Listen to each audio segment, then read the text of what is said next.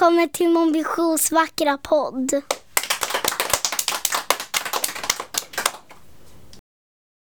På det viset började vi leta efter Niklasson. Eller, Niklasson själv var lätt att hitta. Han satt alltid på centralstationen eller vid Gamla stans tunnelbana. Men vi letade efter ledtrådar till vem han var. Minns du verkligen ingenting? sa Mago en kväll i tunnelbanan. Inte ens vad du heter i förnamn. Niklasson svepte in sig i sin slitna filt och strök sig över skägget. Nej, sa han. Allt är som en tavla som någon har målat över. Konstigt nog förstod jag precis vad han menade. Jag hade visserligen inget annat liv att minnas. Jag har alltid bott på barnhemmet. Men någonstans måste jag väl komma ifrån. Hur såg min övermålade tavla ut?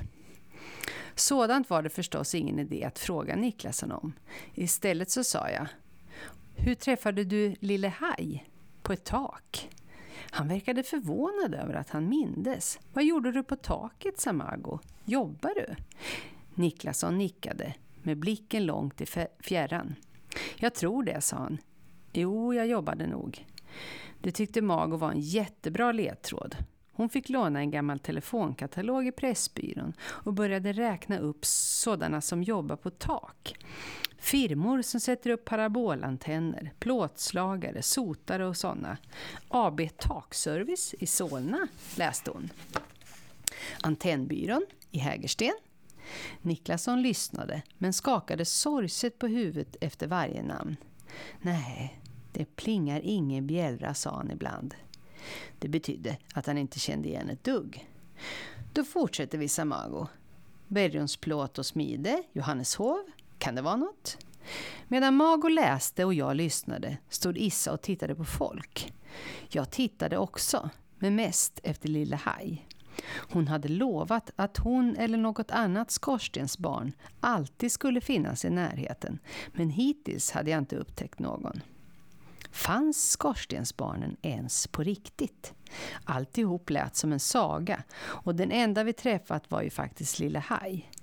Tänk om hon också var helt ensam i världen. Vad är det Issa?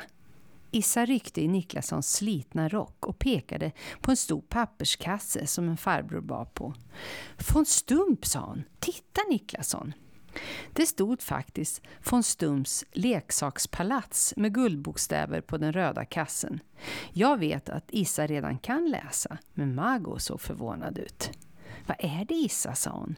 Vill du titta på leksaker? Issa skakade på huvudet och ryckte ännu hårdare i Niklassons rockärm.